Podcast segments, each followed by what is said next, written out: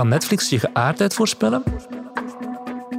Op basis van Facebook-likes, dat je perfect iemand zijn of haar geaardheid, eh, gender, politieke voorkeur kan, eh, kan voorspellen. Slechte reclame is slechte reclame en wekt irritatie op.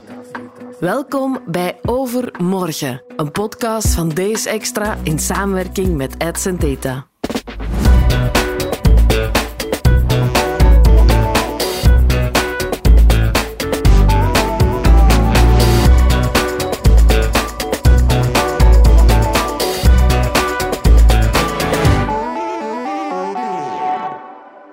Data kunnen voor verschillende doeleinden gebruikt worden, als gepersonaliseerde reclame waarschijnlijk een van de meest zichtbare. Hoe kunnen adverteerders voorspellen waar jij naar op zoek bent? Zijn we echt zo geërgerd door reclame als we denken? En levert die gepersonaliseerde reclame naast voor bedrijven ook voordelen op voor jou als individu? In deze aflevering zoeken we het uit.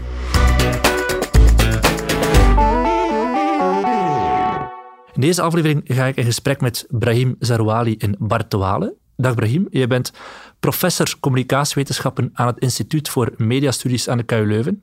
Ja, dat klopt. Uh, en ik hou me vooral bezig met de onderwerpen digitale beïnvloeding, nieuwe media. En ik focus vooral op hoe we allemaal worden beïnvloed door onder andere reclame, maar ook andere vormen van communicatie op sociale media en allerhande communicatietechnologieën.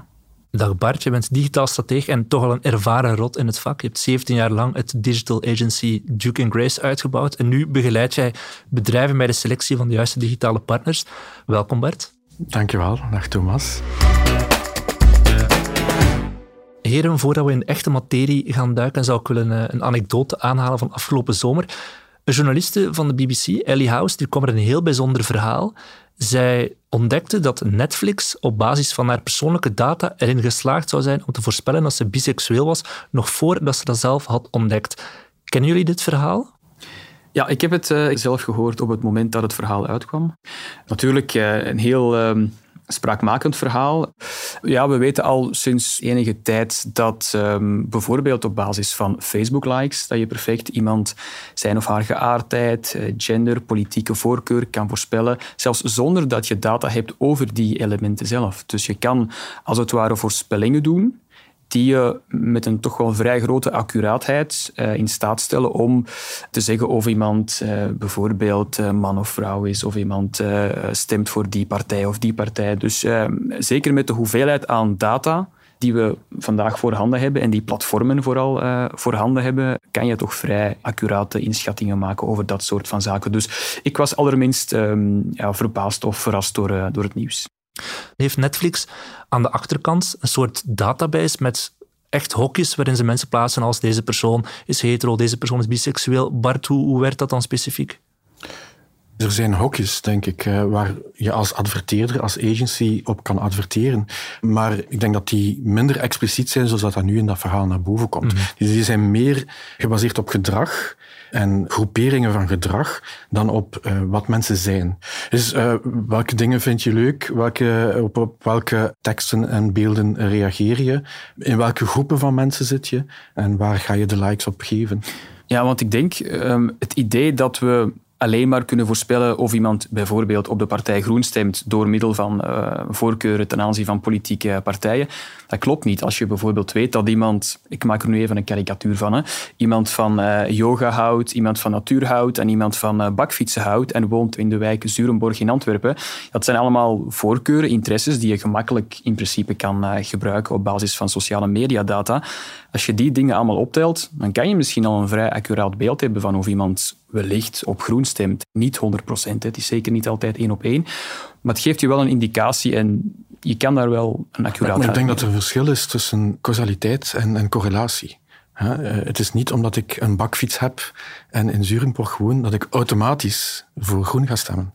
Maar wat die modellen doen, wat die software doet, wat, wat, wat die sociale mediaplatformen doen, zijn patronen herkennen. En als er procentueel heel veel mensen deze eigenschappen hebben en daarnaast ook een andere eigenschap, gaat die zeggen, kijk, als jij die eerste eigenschappen ook hebt, is de kans, de kans groot dat je ook de andere eigenschap hebt. Die dingen horen samen, maar zijn niet het gevolg van elkaar. En ik denk dat dat goed belangrijk is om te begrijpen. We hebben als, als mens ook nog altijd agency en zelfbeslissingsrecht en uh, mogelijkheden om, om anders te zijn. Dit gaat over procentuele kans van klopt dit?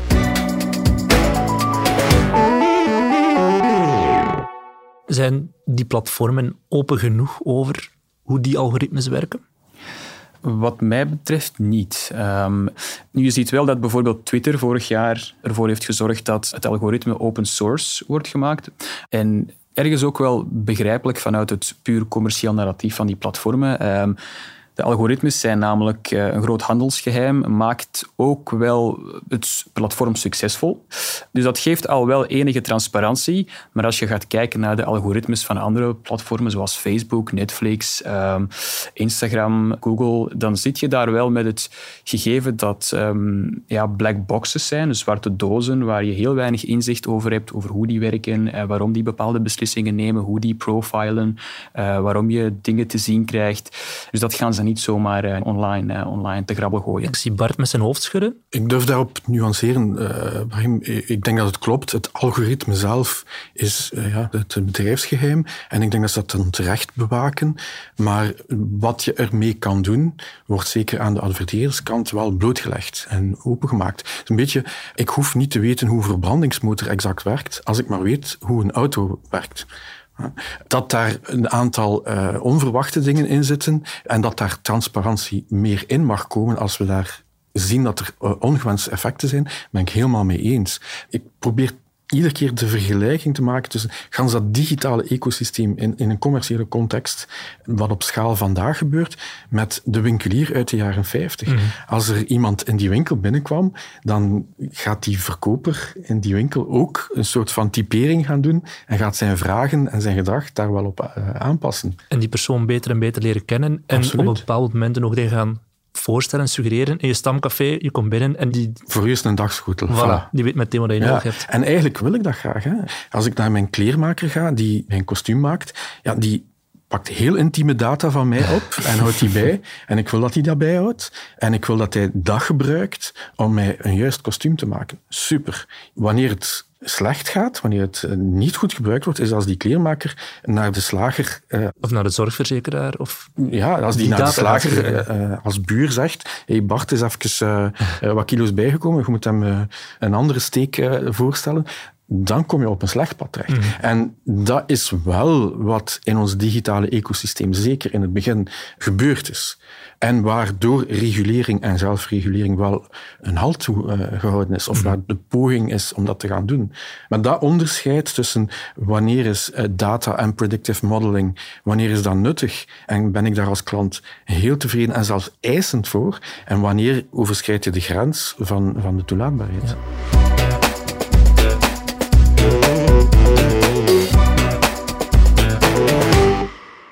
Die platformen gaan niet alleen hun eigen data gebruiken, ze gaan ook data van derden daaraan toevoegen, of toch zeer vaak. In Vlaanderen gaan adverteerders bijvoorbeeld werken met data van telecombedrijven zoals uh, Proximus en Telenet om reclames te personaliseren. En dat gaat dan over interpretaties die gebruikt worden om mensen nog beter te kunnen profilen.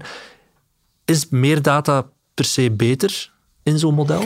We weten dat hoe meer data je hebt over de bevolking of over mensen, hoe accurater een model werkt in het voorspellen van bepaalde dingen. Dus je gooit er gewoon een extra laag bovenop en het model werkt in principe beter. En ik denk dat het ook in het kader moet gezien worden van de third-party cookies, die recent ook uh, in onbruik zijn geraakt en door bepaalde grote platformen nu uh, uitgefaseerd worden, zoals Apple, Google uh, en, en ook nog andere. Dus je ziet dat platformen, bedrijven meer en meer eh, grijpen naar alternatieve stromen van data om, als het ware, ook toch nog voldoende eh, gegevens te kunnen hebben over de bevolking. En dan heb je veel rijkere informatie over de consument, over de eindgebruiker, die je vervolgens kan inzetten om, om ze wederom te gaan targeten. Dus het lag een beetje in de lijn der verwachtingen dat bedrijven en platformen op een creatievere manier op zoek gaan naar andere vormen van databronnen om uh, toe te voegen aan het arsenaal. Zijn er bepaalde risico's aan verbonden? Sowieso. Alleen de boodschap die ik naar adverteerders iedere keer meegaf, het gaat over transparantie en toestemming. Mhm. Het voorbeeld van daar straks van mijn kleermaker en mijn slager. Als ik daarmee akkoord ben en als je dat duidelijk maakt dat dat gebeurt, dan denk ik dat dat geen probleem is. Ik heb een iets groter probleem met toestemming. Dat is meer de ethische kant. Je mag niet verwachten van de eindgebruiker dat hij alle privacy statements, alle gebruiksovereenkomsten gaat lezen. Want er was denk ik ooit een studie uitgevoerd die een schatting maakte van hoeveel uren we zouden kwijtgeraken als we alle gebruiksovereenkomsten en privacy statements zouden lezen. Uh, ze zaten op 200 uur alle websites die we gebruiken. En dan heb je nog niets gezegd over of je die privacy statements überhaupt nog begrepen hebt. Want er zit heel veel vakjargon. Dus het idee dat als een consument toestemming geeft dat de dingen opeens oké worden, dat idee wil ik toch wel een beetje nuanceren, want heel vaak geven mensen ook gewoon toestemming zonder dingen gelezen te hebben, dat weten we ook. Ik denk dat we ook wel uh, de keerzijde van de medaille moeten benoemen, namelijk we hebben allemaal meer data ter beschikking, we laten heel veel sporen na, elke activiteit die we online uitvoeren laat ergens wel zijn digitale spoor na, dat is een beetje onze digitale voetafdruk. Maar het risico dat daarbij komt kijken is dat we kwetsbaarder worden. Hè? Dat onze digitale identiteit kan gekaapt worden door mensen die soms uh, niet de beste intenties met ons voor hebben.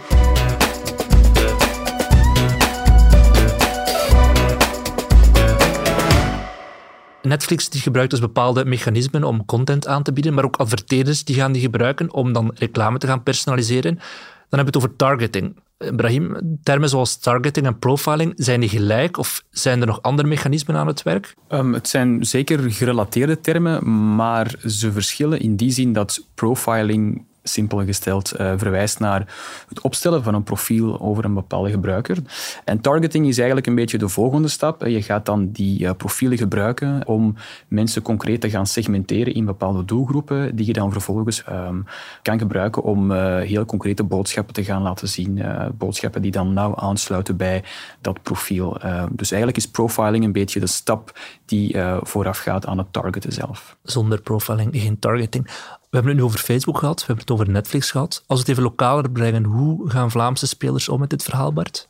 Wel, er zijn uh, wel heel veel Vlaamse mediaplatformen die ook bezig zijn met segmentatie en met targeting. En die heel veel data gebruiken om daar de juiste doelgroepen en, en de juiste connectie te leggen met adverteerders. Op verschillende manieren. Iets heel interessants waarbij dat je de televisiereclame, bij wijze van spreken, kan toespitsen per regio. En zeggen, kijk, tijdens het reclameblok op televisie krijgt iedereen een apart televisiespotje te zien, gebaseerd op welke locatie dat is het.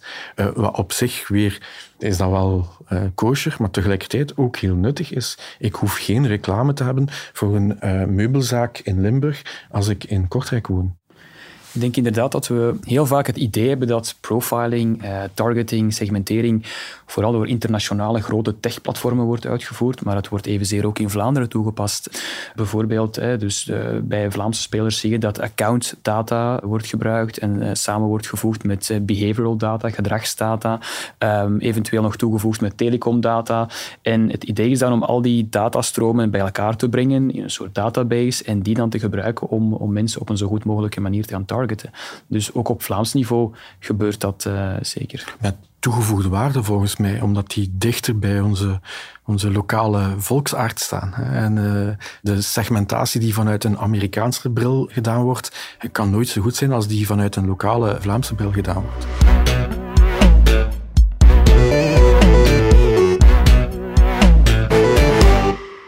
Als het dan gaat over die reclame, mensen hebben blijkt uit onderzoek, wel graag gepersonaliseerde reclame. Want ik moet als man misschien niet per se reclame krijgen voor maandverband, bij wijze van spreken. Anderzijds is er ook argwaan in het publieke debat rond alles wat daar komt bij kijken als het dan gaat over die targeting, die profiling, de privacy. Hoe kijken jullie naar de verhouding van de consument tegenover die gepersonaliseerde reclame? Vanuit de wetenschappelijke literatuur weten we dat het, uh, en helaas moet ik het zeggen, een enerzijds-anderzijds verhaal is. Dus uh, enerzijds vinden consumenten het geweldig, uh, gepersonaliseerde reclames, zoals je zelf zegt. Ik hoef geen reclame te krijgen als man voor maandverband, dat soort van, van anekdotes. Maar anderzijds heb je dan ook een soort spanningsveld met privacy.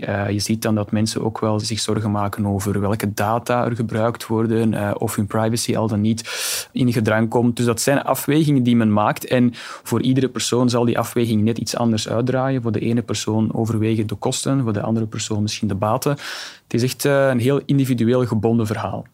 Ik denk dat dat klopt, maar ik denk dat heel veel van de context afhangt. Ik probeer iedere keer duidelijk te maken, data verandert in spam of in informatie afhankelijk van de context. Als ik op zoek ben om een nieuwe auto te kopen en in mijn brievenbus komt er een stapel folders van Pampers binnen, dan is dat spam en gooi ik dat in de vuilbak. Als er op dat moment een stapel folders van auto's in mijn brievenbus komt, dan is dat informatie die ik kan gebruiken om een beslissing te nemen. Dus afhankelijk van de context van de eindklant, mhm. van uh, wat Brahim ook zegt, van, van het individu, uh, verandert data in iets dat nuttig is of dat als uh, irritant gepercipieerd wordt. En ik denk ook het, het debat omtrent reageert een persoon nu positief of negatief op gepersonaliseerde reclame is ook wel vrij genuanceerd, omdat je bijvoorbeeld ook weet uit de wetenschap bijvoorbeeld, dat uh, een boodschap die heel erg gepersonaliseerd is, minder in de smaak valt. Wanneer een boodschap iets minder gepersonaliseerd is, dus minder data gebruikt, dat mensen daar al bijvoorbeeld veel positiever tegenover staan. Een ander voorbeeld is het type advertentie. Uh, we weten dat bepaalde type advertenties als storender worden ervaren. Denk maar aan de pre-roll ads bij, bij YouTube, omdat die echt een soort verstorend effect hebben. Je moet wachten vooraleer je een video kan zien. Daar hebben mensen iets meer problemen mee dan een banner die gepersonaliseerd zou zijn ergens op de zijbalk van een website waar je gemakkelijk over kan kijken. Dus ook de type advertentie uh, dat gepersonaliseerd is, kan een impact hebben. Daarnaast, zoals ik al zei, individuele verschillen zijn heel belangrijk. We weten dat mensen met een hoge privacybezorgdheid over het algemeen negatiever staan ten aanzien van gepersonaliseerde reclames. We weten dat bijvoorbeeld leeftijd ook een factor is. Oudere mensen zijn iets meer uh, bewust van hun privacy en dus veel angstiger ten aanzien van personalisatie, terwijl jongere mensen meer denken van goh, het hoort erbij. Hè. We zijn opgegroeid in een soort digitaal ecosysteem waar personalisatie nu eenmaal deel van uitmaakt. Het is nodig om uh, diensten gratis te laat maar komen, we nemen dat er wel bij. Dus er zijn ook individuele verschillen die maken of een persoon al dan niet dan uh, positief of negatief. Dus het is een heel uh, genuanceerd en complex verhaal. Je kan niet zeggen... Ik, ga toch ongenuanceerd zijn hoor. Uh, slechte reclame is slechte reclame en werkt irritatie op. Op het moment dat het goede reclame is, percipiëren we het niet als reclame en, en, gaan we helemaal in dat verhaal mee. En daar zit denk ik dan de, de, de nuance. De verleiding is groot om je daar niks van aan te trekken. Want ook storende uh, reclame werkt. Dat is misschien het grootste geheim of niet geheim, van reclame. Gewoon het feit dat je mensen bombardeert met boodschappen binnen een bepaalde eh, context werkt. Of het nu goed gedaan is of slecht gedaan is. Nu, het zal wel duurder zijn. Het zal duurder zijn, het zal, zal minder zichzelf verspreiden, maar tegelijkertijd zit daar ook een ethische grens aan. Mm -hmm. Guantanamo Bay werkt, maar daarom moeten we het niet doen. Hè. Dus, voilà, dus daar, daar denk ik, en daar zijn adverteerders en agencies wel heel erg mee bezig. Maar de belangrijkste vraag blijft nog steeds, beste adverteerder, wat geeft jou het recht om mijn leven te verstoren? Als je daar een goed antwoord op kunt geven, dan is reclame geen reclame. Mijn dochter is 13, is vandaag 13 geworden, is geïntrigeerd door mijn vak en die vroeg mij onlangs, papa, wat vind jij de allerbeste reclame ooit? Dat is een moeilijke vraag, want ik vind er heel veel goede. Maar ik kwam terug op Who Took My Badjas? Ja. Proximus? Eh, toen was het nog Belgacom, blijkbaar. Ik heb het opgezocht. En dat was een fenomeen. Dat was zo goed gemaakt. Ik denk dat iedereen in mijn omgeving die reclamespot constant naspeelde voor maanden. En plots wordt reclame een stukje van de maatschappij, een mhm. stukje van onze cultuur, een stukje van ons zijn. En dat is een mooi voorbeeld, denk ik. Het is relevant, niet storend en het heeft een entertainmentgehalte. Opnieuw, adverteerder, welk recht heb jij om mijn leven te verstoren? Zorg dat daar waarde in zit en dan kan dat. Ja. Brahim, zie jij in wetenschappelijk onderzoek verschil in de effectiviteit tussen gepersonaliseerde en niet gepersonaliseerde reclame? Mensen zijn over het algemeen voorstander van reclame te krijgen die meer uh, op hun profiel aansluit dan uh, totaal ongerelateerde informatie of ongerelateerde reclame. En er zijn twee hoofdzakelijke uh, redenen voor te geven. Eerst en vooral heeft dat te maken met relevantie. Dus dat blijkt echt als een van de belangrijkste verklarende mechanismes. Uh, het, voegt relevantie toe aan uh, reclame. Maar ook het argument van information overload is een heel belangrijke. Namelijk, er zijn zoveel berichten, zoveel advertenties. En wat personalisatie eigenlijk doet, is net die meest relevante eruit kiezen om jou slechts de belangrijkste te laten zien. Dus het filtert voor Het zorgt ervoor dat je niet per se ongerelateerde dingen te zien krijgt, maar echt wel de, meest, ja, de reclames die er meest toe doen. En door die reductie aan complexiteit, aan informatie, maakt het voor ons makkelijker om die hapklare brokken, die reclames die er meest toe doen, om die te consumeren. Dus ook vanuit dat perspectief zou het ook effectiever zijn of beter werken.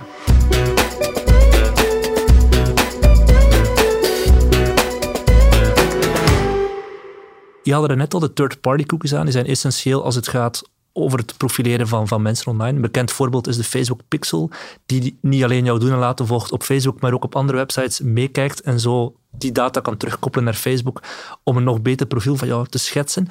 Apple en Google zijn bezig met het afbouwen van die praktijken. Waarom?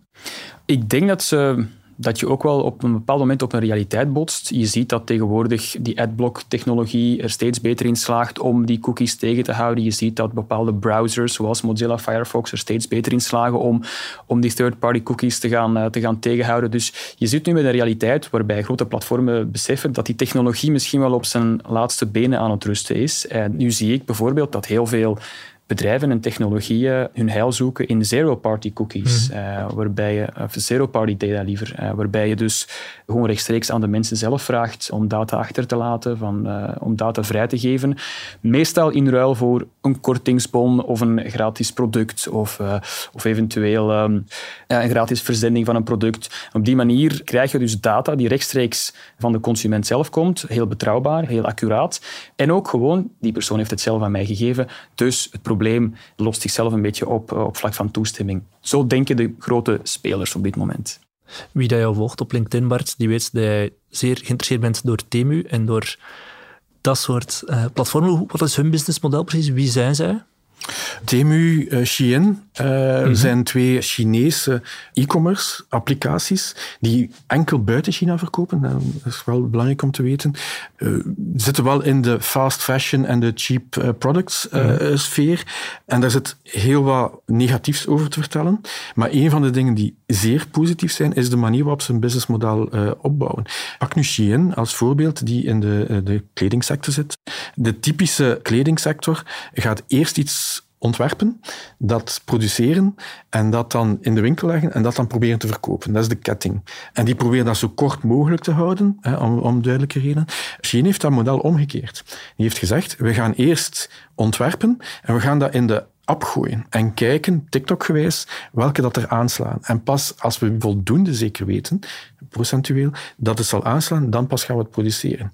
En dat steunt ook op data. Dus ik ben ook altijd genuanceerd als er gesproken wordt over ik wil niet op Shein zitten, want dan geef ik mijn data aan de Chinezen. Dat is een zeer blanket statement die, die misschien uh, fout is, maar, wel waarde toevoegt. Hè. De app, is erop gericht om zoveel mogelijk van jouw data te pakken te krijgen. Dat klinkt fout, maar die data heeft betrekking op de smaak die je hebt hmm. en de kans dat je iets gaat kopen. En dat draagt ertoe bij dat je dingen duurzamer en goedkoper kan, uh, kan aanleveren. En predictive modeling speelt daar een zeer belangrijke rol in. Absoluut. We komen aan het einde van deze aflevering. Ik heb heel veel bijgeleerd en ik hoop de mensen die naar deze podcast luisteren ook. Hebben jullie tips, concrete tips voor hun om hoe ze moeten omgaan met die gepersonaliseerde reclame en alles wat daarbij komt kijken? Ik denk de belangrijkste tip is, maak een goed onderscheid tussen merkgerelateerde reclame en salesgerelateerde reclame. En twee, zoals ik al herhaaldelijk gezegd heb, denk goed na over wat jou het recht geeft om het leven van jouw consument binnen te stappen met reclame. Als je die vraag beantwoordt, dan denk ik, dan, dan kom je heel ver. Wat ik zou willen meegeven is ook om een kritisch bewustzijn bij de eindgebruiker te gaan faciliteren, waarbij je ook gewoon beseft dat adverteerders producten willen verkopen en daar is op zich niks mis mee, maar dat je je wel eh, daarvan bewust bent en, en ook kritisch kijkt naar de boodschappen die je te zien krijgt en jezelf ook echt afvragen van heb ik dit nu echt nodig of is dit iets waar eh, mijn verlangen, mijn impuls wordt, uh, wordt getriggerd en voor de rest heb ik het niet echt nodig in mijn dagelijks leven. Dus een kritische reflectie bij de gewone burger, ik denk dat we daar al heel ver mee, eh, mee kunnen geraken. Bedankt Brahim en Bart om jullie visie te delen. Er komt nog één aflevering van deze podcast aan en daarin gaan we dan dieper in op of TikTok onze kinderen wel degelijk aan een koopverslaving helpt en hoe de jeugd omgaat met gepersonaliseerde advertenties. Tot de volgende. Bedankt om te luisteren naar Overmorgen, een DS Extra podcast in samenwerking met Ads en Data.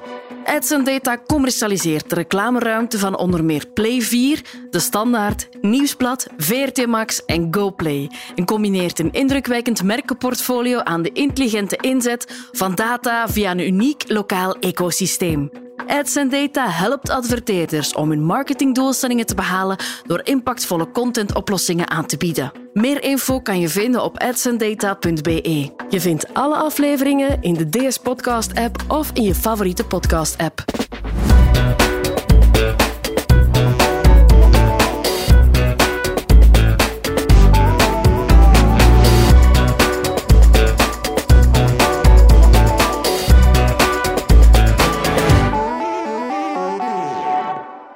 Ads Data kan niet aansprakelijk gesteld worden wanneer informatie evolueert, verandert of afwijkt na opname van deze podcast.